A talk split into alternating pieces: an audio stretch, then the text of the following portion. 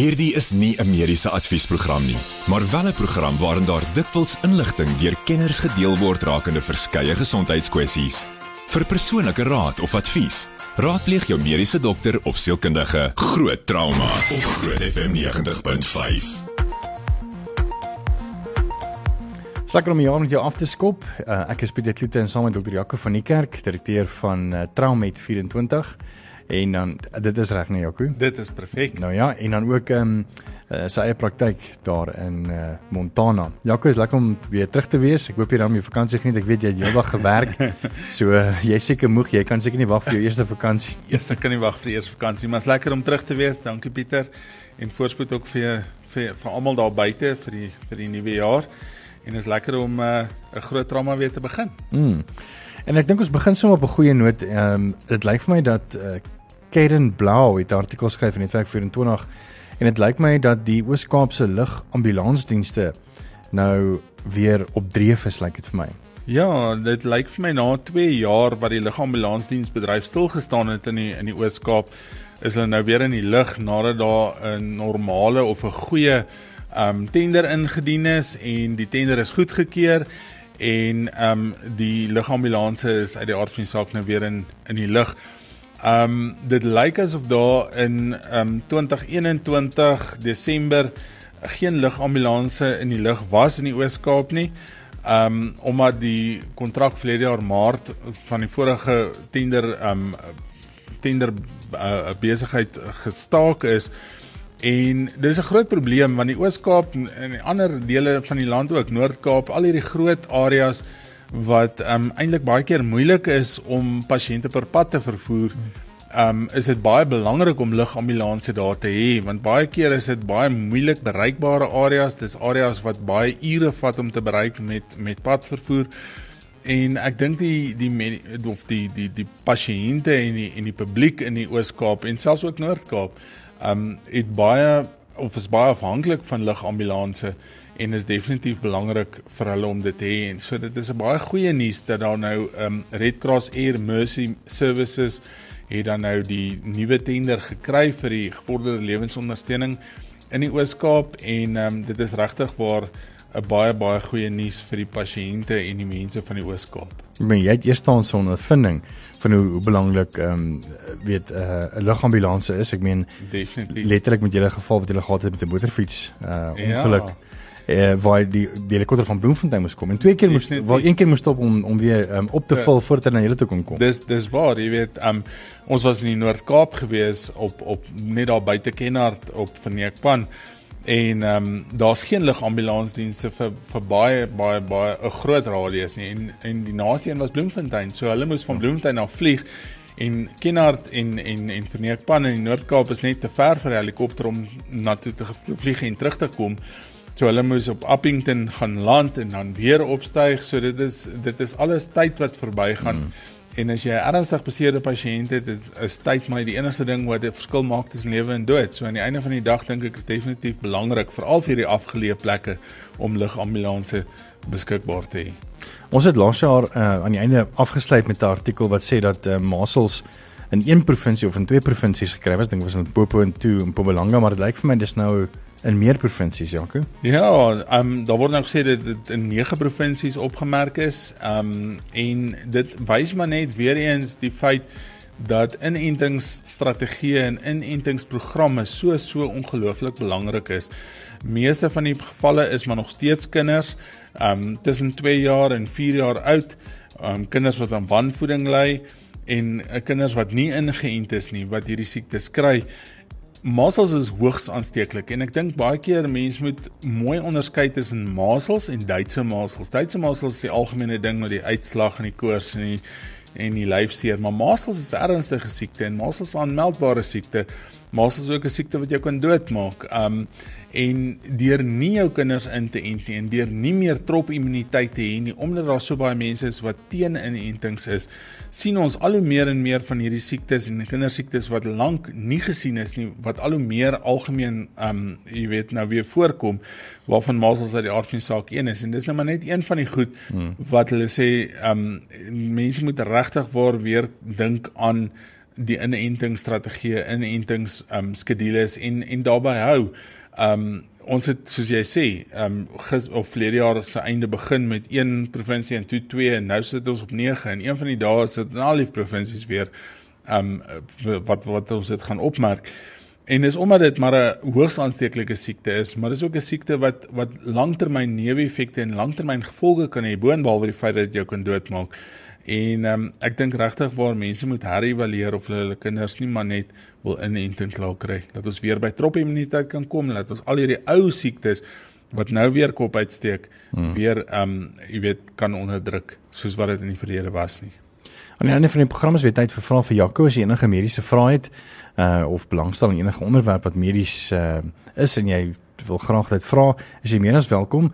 Ons WhatsApp nommer is 061 6104576 onthou standaard tariewe geld en ons gaan kyk of ons dit so teen die einde van die program vir jou kan antwoord. Groot trauma met Pieter Kloete en dokter Jaco van die Kerk op Groot FM 90.5.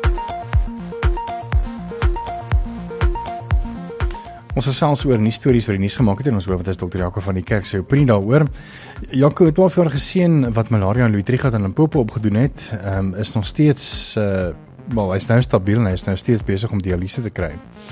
Ja Pieter, um, ek dink mense dink aan malaria as net 'n koorsiekte wat die lyf aantas en jy voel sleg en jy het koors en jy is lyfseer. Maar ek dink twee van die slegste maniere om malaria op te doen is nommer 1 is cerebrale malaria waar dit die brein aantas en 'n groot persentasie van daai pasiënte gaan dood. En die tweede is dat jy renale malaria, die ouer mense sal weer hoor of sal sal sal onthou van swartwaterkoors. Die urine raak so donker, pikswart en die pasiënte gaan 'n nierversaking in. En dis ongelukkig wat Karen dan nou oorgekom het, hy het 'n nierversaking ingaan en dis hoekom hy tans nog op dialyse is. Ehm um, ek dink daar's 'n groot wanpersepsie nog daar buite oor die profylaktiese behandeling of die profylaktiese beheer om malaria te voorkom. Almal dink aan die ou medikasies. Ek dink aan goeie soos Kenin, Melanol, ehm um, of of Meflium en Lariam, daai ou goeters wat wat niemand nog meer gebruik nie waar die mense gesê het ehm um, dit maskeer die simptome van malaria of dit maak dat jy nie positief toets sou jy malaria kry nie of dat dit die neeweffekte het die neurologiese neeweffekte wat die ou antimalaria middels gehad het. Maar die nuwe goed op die mark um is nie meer so dat jy dit week voor die tyd moet gebruik weekliks terwyl in die area en dan nog vir 4 weke na jy daai area verlaat het nie. Deesdae is dit die dag voordat jy gaan daagliks terwyl jy daar is en 7 dae na jy terugkom het en jy het nie meer daai neurologiese neeweffekte nie en dit kan grootliks voorkom dat jy sit met hierdie komplikasies van nierversaking, ehm um, cerebrale malaria ensovoorts. Ehm um, daar's 'n groot deel van ons land wat wel nog malaria endemies is, met ander woorde dit uit die aard van die saak die laafveld van van ehm um, Mpumalanga, Limpopo se noordooste ehm um, die Kruger Wildtuin en die noordelike gedeelte deeltes van Natal wat eintlik endemies is, maar ons moet nooit vergeet dat ons dit ook in in in 'n plek soos Pretoria kan kry nie. Ehm um, hmm. want mense kry ook reisigers malaria waar hierdie Anopheles muskiet wat die wyfie muskiet van die Anopheles um, muskiet ehm um, familie die malaria dra. Mense gaan na Mosambiek toe of gaan vakansie hou en dit kom in die tasse terug en dit kan veral na vakansies ook in in in in plekke soos Pretoria gebeur. En ons het al in in die verlede al gehad ook dat mense oorlede is van malaria en omdat ons dit nie altyd eers te soek nie. Mm. En die simptome van malaria aan die begin is so moeilik want dit is soos enige griep. Dis lyfseer, dis koors, dis moeg, dis hoofpyn, dis dit kan letterlik enigiets wees. Mm. En 'n mens moet nie net vergeet nie. So ek dink in die die die die les wat mense uit kan leer is 1 As jy na 'n malaria area toe gaan, moenie bang wees om voorkomende medikasie te gebruik of voorkomende maatreëls te tref nie en ek sien die ALR vir gesondheid in Limpopo het ook 'n beroep gedoen op mense om as hulle die die provinsie besoek wel voorkomende maatreëls te gebruik om te voorkom dat hulle malaria kry. Maar as jy hierdie snaakse simptome het wat nie by enigiets pas nie en jy weet jy voel regtig net doeteenvoudig sleg, dat jy ook nie moet vergeet dat jy wel malaria kan kry ook uit die malaria areas nie. So dan ek vir jou sê my Bosveld vriende uh is so 'n bietjie verkeerd want hulle glo in gin en tonic want tonic het mos konien. So ek dink net jy gaan moet 'n boks gin and tonic uitdrink, boksbottels uitdrink voordat jy genoeg kanien in het. En ons sien ook dat daar deesdae weerstandigheid is teen teen kanien in die behandeling van van malaria. So daar's ook baie nuwer medikasies um in in in terme van die behandeling van malaria wat ons gebruik boonbehalwe kanien. Um ons gebruik nog steeds kanien ook, maar definitief um daar's ander medikasies ook wat deesdae meer effektief baie keer is as kanien. En almal begin ons op 1 Januarie sê nee wat hierdie jaar ek gaan gewig verloor, ek gaan gesond eet, ek gaan alles doen. En dan begin hulle op allerlei goed weet, keto diets, intermittent fastings, ehm um, en wat wat wat. Ja, nou wat dink jy? As jy net vir ons moet raad gee as 'n dokter om te sê hoorie so ehm um, ons almal wil 'n bietjie gewig verloor en ja, ons moet reg eet, maar wat werk? Pieter, ek dink dis 'n moeilike vraag. Ek het nou gesê dit is as daar iets is wat werk, wat maklik is, wat werk, dan sal ek dalk ook nie gelyk het soos ek lyk nie. maar in elk geval, ek dink een van die groot goed wat daar buite nou is, is intermittent fasting of onderbroke vas. En daar's verskillende maniere hoe dit gedoen kan word. Ehm um, dis die gewysigde vas wat die 5-2 dieet is wat beteken dat jy twee nie op een volgende dag van die week vas en die oorblywende 5 dae soos normaalweg eet. Jy dan jou afwisselende dae vas wat dan uit die aard van die saak wissel van dag tot dag. En dan jy jou tydgekoppelde vas wat ek dink die mees mees algemene en mees populêre manier is van vas waar jy tussen 12 en en en 18 ure en selfs tot 20 uur per dag vas waar jy dan nou niks eet nie. Ehm um, nou die die groot ding is ehm um, ek dink die belangrike ding van vas is dat 1 dit maak dat jou insulien wat jou pankreas produseer wat dan jou glikose of suikermetabolisme of koolhidraatmetabolisme beheer meer sensitief is. Ehm um, so ja, daar is voordele in. Dit maak ook so of dit is ook so dat studies wys dat cholesterol verminder sou dan jy 'n uh, intermitterende vas doen of of of onderbroke vas doen jou bloedsuiker beheer is verbeter omdat jou insuliensensitiwiteit beter word. So in mense wat insulienweerstandig is of voorlopers is van tipe 2 diabetes kan baat vind daarbey. Um uit die aard van die saak gewigsverlies is 'n is 'n groot voordeel daarvan. Um nou die studies ook sê verskeie studies het getoon dat gewigsverlies tussen 3 en 7% van jou liggaamsgewig oor 'n gemiddelde tydperk van 8 weke um verloor kan word as jy met hierdie intermitterende vaspatroon voort voortgaan en en 100% daarby by bly. Um so daar's 'n klomp potensiële voordele, maar daar's ook ongelukkig potensiële nadele. Hmm. Um uit die aard van die saak jy gaan heeltyd honger voel en as iemand honger is, dan gaan hulle hmm. heeltyd geïrriteerd wees. So jy kry hierdie hangry mense. Hulle is alles honger, maar hulle is ook angry. Baie baierigheid, moegheid, hoofpyn, naarheid, um oormatige kosinname help ook nie jy gaan 20 ure van die dag niks eet nie en daai 4 ure wat oorbly eet jy alles wat voorkom nie. Jy weet dit gaan ook nie regtig help nie. En die oomblik wat 'n mens honger is en heeltyd geïrriteerd is dan sukkel mens ook uit die aard van die saak met konsentrasie. Hmm.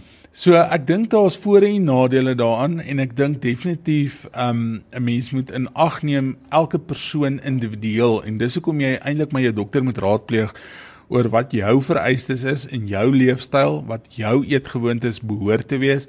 As jy byvoorbeeld swanger is, gaan gaan hierdie intermitterende vas nie vir jou werk nie, hmm. want jy gaan definitief jou swangerskap benadeel.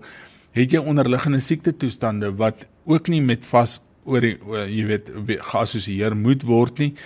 En ek dink definitief um ja, daar's baie baie goeie en en en goeie voordele aan intermitterende vas, maar daar's ook nadele en daar's ook plekke waar dit nie gaan pas nie en ek dink definitief mense moet individueel daarna gaan kyk en ek dink jou dokter is die beste plek om by te begin. En uh, as jy enige vrae het van uh, of mediese vrae het, is jy welkom vir Jacques te vra aan die einde van die program. Stuur slank jou vrae na 061 610 4576 en onthou standaard tariewe geld. Met die volgende program bo Groot FM 90.5 om jou as luisteraar met die nodige inligting oor 'n spesifieke onderwerp te voorsien. Alhoewel hierdie inligting dikwels deur 'n kenner op die gebied gedeel word, word jy aangemoedig om jou mediese dokter of sielkundige te besoek vir persoonlike advies of raad. Groot trauma met Pieter Kloete en dokter Jaco van die Kerk op Groot FM 90.5. Welkom terug geskoot drama. Ek is Pieter Kloete saam met dokter Jaco van die kerk en is nou tyd vir mediese mite minuut. Ja Pieter, ek dink ehm um, daar's 'n klomp mites wat wat uh, veral nou in die vakansietyd ehm um, weet op die uh, op almal se lippe was nie. Een is mens moet veral in hierdie hitte ten minste 8 glase water per dag drink. En hoewel jy genoeg water moet inneem, is dit die syfer bloot net 'n aanduiding van van ehm um, hoeveel vog mens moet inneem en dit is nie noodwendig in graniet gegiet nie. Die hoeveelheid water wat jy benodig hang van baie goed af soos klimaat, genetika en hoe aktief jy is. En dan moet mense onthou sap, tee, koffie en water vorm alles deel van die vloeistof wat jou liggaam benodig vir sy hidrasie. Um dit hang eintlik af van hoe jou urine lyk. As dit donkerkleurig is, dan drink jy te min water. Deurskynende of liggeel urine wys dat jy op die regte pad is in terme van voginname. En ek dink een van die ander mites wat groot is, is dat eiers sleg is vir jou hart. Um dis ook 'n ding wat wat op baie mense se lippe is en, en die feit dat eiergeel wel cholesterol bevat is so, maar die meeste van ons um eet baie meer um skadelike vette deur net daagliks gemorskos in te neem. Eiers is propvol um voedingsstowwe soos omega-3 vetsure en dit verminder eintlik hartsiektes um oor die oor die oor die algemeen. Eiers is 'n goeie bron van onder meer ook Vitamiin D wat goed is vir beengesondheid en die immuunstelsel en kolien wat jou metabolisme en lewerfunksies ondersteun. So aan die einde van die dag dink ek alles matigheid en dis 'n goeie ding ook vir die res van die jaar. Alles matigheid um is is is eintlik goed en nie noodwendig sleg nie. So jy hoef nie noodwendig te dink jy moet jouself dooddrink aan water nie en jy hoef nie te bekommer as jy 'n eiertjie of twee eet nie. Groot trauma met Pieter Kloete en dokter Jaco van die Kerk op Groot FM 90.5.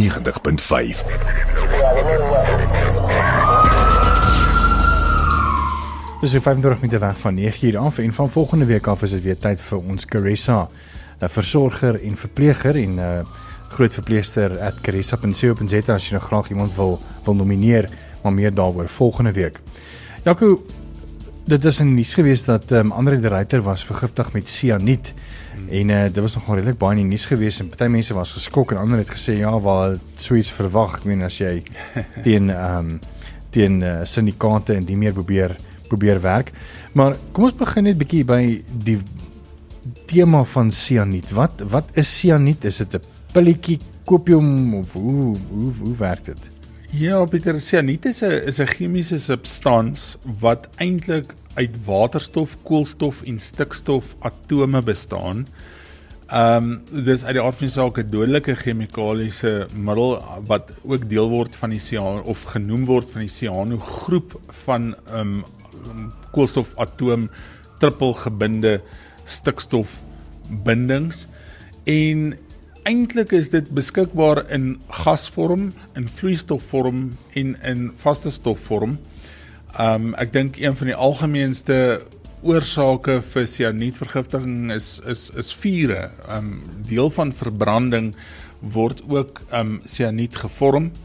Die ander ding is dat um selfs pitte, jy weet pitte soos appelpitte, um appelkoospitte, um bevat sianiet en dan is daar in vloeistofvorm ook sianiet. Ehm um, daar selfs ge, um, geneesmiddels, natrium nitropesied wat gebruik word vir hipertensiewe noodgevalle of hipertensiewe krisisse wat ons baie keer gebruik om mense se bloeddruk vinnig af te bring het ook sianiet in.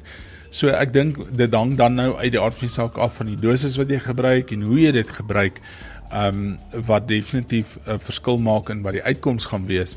Maar so sianiet is 'n is eintlik maar 'n chemiese binding wat dan as 'n toksien gesien word wat beteken dat as jou vlakke bo 'n sekere vlak is, kan jou liggaam se selle nie suurstof gebruik vir sy gewone energiebehoeftes nie.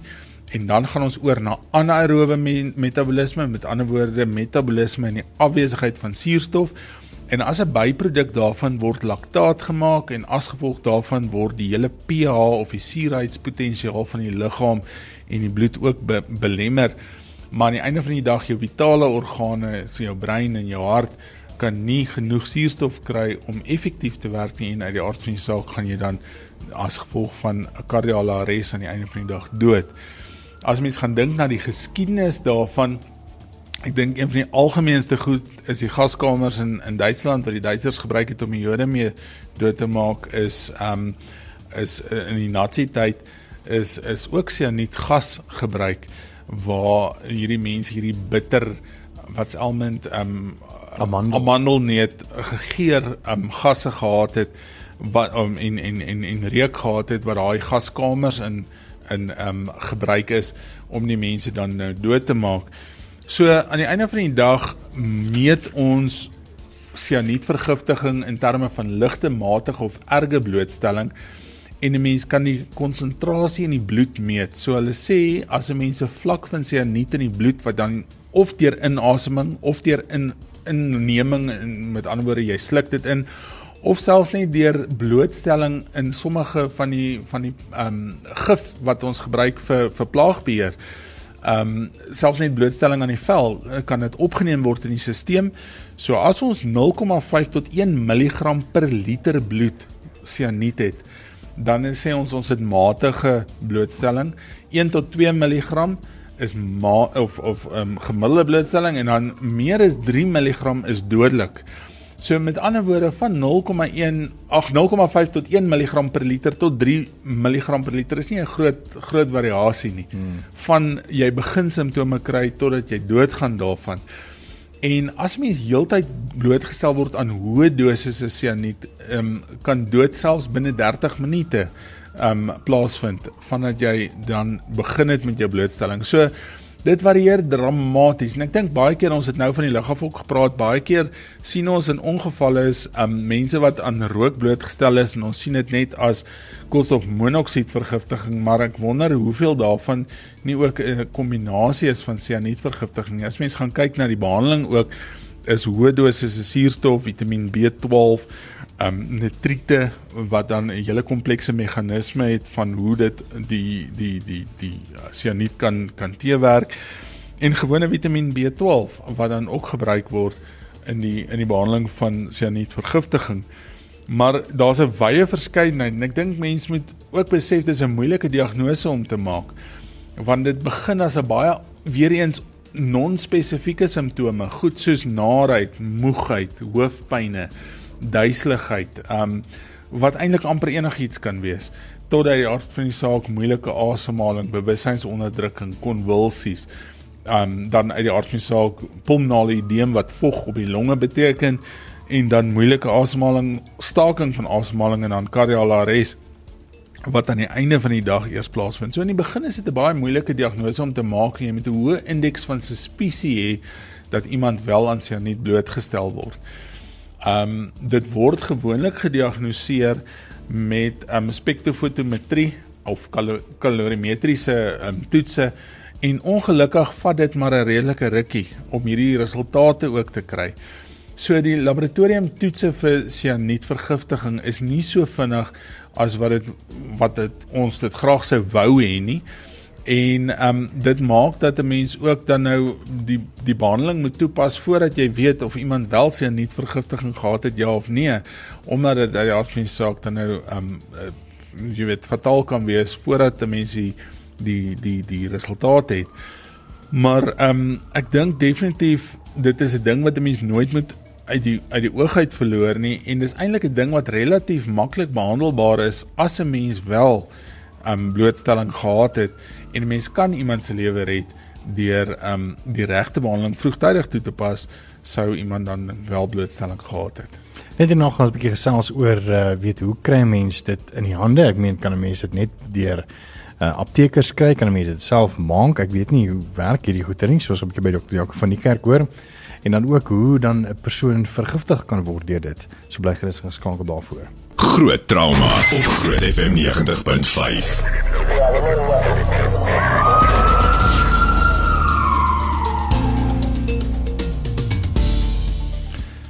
Ons praat oor uh, Andre de Ruyter, die uh, hoofuitvoerende beampte tot en met einde Maart van Eskom wat vergiftig is met moontlike sianietvergiftiging en Jacques het nou lekker vir ons verduidelik wat is sianiet en en die meer. Maar ek wil weet Jaco, hoe vrylik beskikbaar is sianiet? Ek meen koop jy dit sommer gou vanaand by 'n apteek en dan sit dit in iemand se koffie of of En dan die tweede ding wat ek wil wil weet is, ek meen as hulle dit nou so byvoorbeeld met ander die ryter het dit nou in sy koffie gesit. Mm. Ehm um, ryke mense dit nie uh, kan mense dit nie sien daar's gepeter met 'n koffie nie of of hoe? Pieter ek dink as mens dit in die gasvorm het, dan gaan 'n mens dit ryk want mens gaan die gaan die 'n neutreuk kry. Ehm um, ek dink baie keer as dit in 'n vloeistofvorm of in 'n vasstofvorm is, gaan mens sukkel om dit te ryk.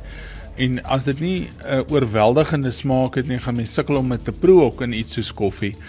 Ehm um, ek dink nie sianiet is 'n ding wat baie maklik verkrygbaar is nie. Uit die aard van die saak as mens dan nou uit die die natrium nitropresied wat dan een van die die aktiewe bestanddele is van die van die geneesmiddels wat ons gebruik om bloeddruk te beheer um, in in ICU en in in hoë sorg um, omgewings. Daar is redelik sianiet in. Ek dink as 'n mens gaan goed maal soos appelkoospitte en en en, en appelpitte ensovoorts en mens gaan die inhoud daarvan gebruik, dan gaan 'n mens definitief 'n um, blootstelling kry. Maar daar's ook kroniese blootstelling. Mense wat in die metaalindustrie werk, wat met hierdie polishmiddels werk wat hulle die metale mee so so poleer heeltyd. Daar's ook baie keer sianiet in en baie keer van daai mense het kroniese blootstelling aan sianiet. Hulle kry nie genoeg om dadelik akute toksie toksie of of akut toksies te raak nie. Hulle het net laaggraadse kroniese blootstelling en hulle kry baie keer lewer en nierskade. Hulle kry um onderdrukking van lewer en nierfunksie. Um en ek dink aan die einde van die dag, hulle sit met onderaktiewe skildkliere, vrouens kry miskrame, hulle kry paralises en senuwee um sentraal senuweestelsel So daar's definitief 'n groot persentasie van mense wat kroniese blootstelling daaraan kry. Die aktiewe maak daarvan is eintlik 'n baie moeilike proses. Um en dit is 'n ding wat hulle meng natrium um hidroksied met sianietsuur en koolstof wat hulle tot 600 grade moet ver, uh, verhit um wat dan gemeng word en dan word dit gefiltreer weer met natrium bikarbonaat. Dis 'n dis eintlik 'n redelike komplekse meganisme en um, dan kry jy maar iets soos 19 gram sianiet nadat jy 'n groot klomp um, van hierdie chemikalieë gemeng het. So om dit fisies te maak is 'n baie moeilike proses, maar weer eens as ek dink as jy is jy ehm um, desperaat genoeg is om iemand dood te maak, dan sal jy seker desperaat genoeg wees om al hierdie hierdie helse prosesse ook deur te gaan.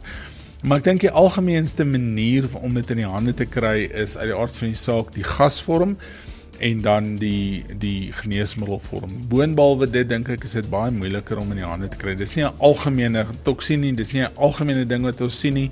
Gelukkig nie. Ehm um, want dit is regtig waar partykeer nogal moeilik om te behandel. So daar's definitief 'n hoër hand en kontakte as dit kom by by so iets. Daar moet definitief 'n hoër hand en kontakte wees. 'n Mens kry nie dit sommer net om elke hoek en draai of by die apteek te kry nie. Ja, toe. Net hierna as dit vra vir Janko as enige mediese vrae het, is jy meer as welkom om ons te vra 061 610 4576 onder standaard tariewe geld. Met die volgende program bo Groot FM 90.5 om jou as luisteraar met die nodige inligting oor 'n spesifieke onderwerp te voorsien. Alhoewel hierdie inligting dikwels deur 'n kenner op die gebied gedeel word, word jy aangemoedig om jou mediese dokter of sielkundige te besoek vir persoonlike advies of raad. Groot trauma met Pieter Kloete en dokter Jaco van die Kerk op Groot FM 90.5. Dis 'n uh, vraag vir Jaco en uh, baie dankie vir die vraag wat deurgekom het. Iemand vra sy Jaco, goeienaand, ek wil graag iets vra wat dalk nou so 'n bietjie van tema af is. Ek het tans redelik baie ekstra tyd op hande na ure en ek wil graag 'n vlak 1, 2 en 3 noodhulp kursusse doen en ek gehoor of daar plekke is waar mense dit kan gratis doen. Weet julle van so iets?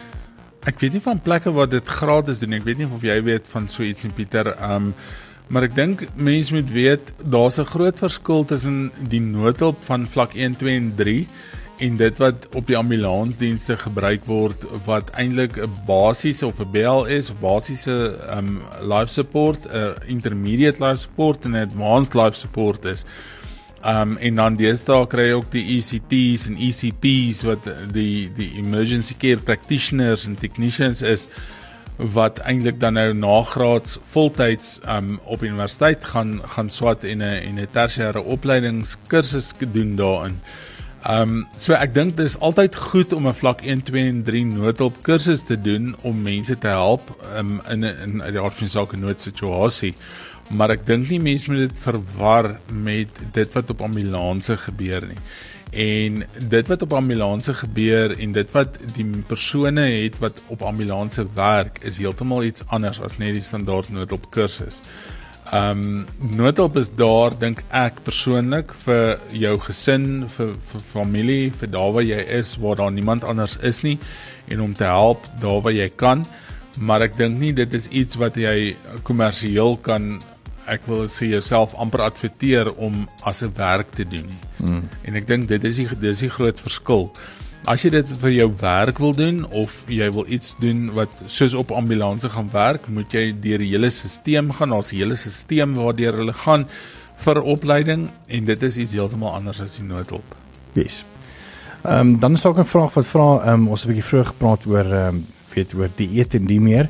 En die persoon vra watter tye sal dan goed wees vir vas en eet en oor en oorskry die voordele die nadele. Ek dink oor die algemeen as mens na die studies gaan kyk, oorskry die voordele wel die nadele. Um vir die meerderheid van mense as jy nie enige ander kroniese siekte toestand ensovoorts het nie. Um die ding is oor oor wanneer is die beste tyd om te eet of nie te eet nie is ons almal het 'n ritme wat die sirkadiese of sirkadiaanse ritme genoem word en ehm um, dan is dit ook word bepaal deur deur jou wakker en slaappatroon, deur lig en donker en deur die hormoonsiklus van jou liggaam. Maar aan die einde van die dag, almal het altyd gesê mens moet 'n goeie ontbyt eet vir 'n gesonde dag of 'n gesonde konsentrasie vermoë, maar aan die einde van die dag, elke ding wat jy in jou mond sit, stimuleer insulienproduksie.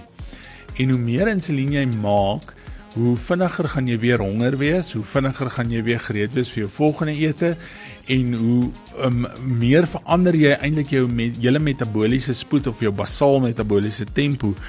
En aan die einde van die dag dink ek die beste gaan wees as mens dan jou aandete eet as jy sê maar byvoorbeeld 'n 18 uur vas doen en dan eers weer die volgende aand eet um en nie die oggend nie want jy gaan dan hier by 10 uur of 12 uur weer vrek honger wees. Dan gaan jy al hierdie goed kry wat hulle nou as nadele ge gelys het van konsentrasie vermoë wat afgaan, um geïrriteerdheid, moegheid, um, hoofpynne ensovoorts.